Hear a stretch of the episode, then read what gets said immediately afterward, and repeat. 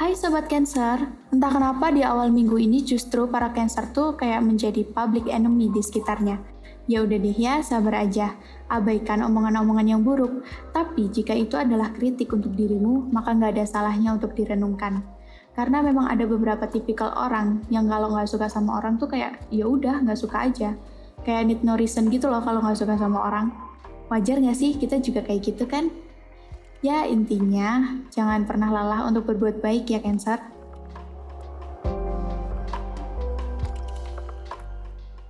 Percintaan untuk sobat Cancer yang masih single. Belajar berkomunikasi dengan teman yang lawan jenis dulu ya, biar nggak awkward kalau jalan sama gebetan.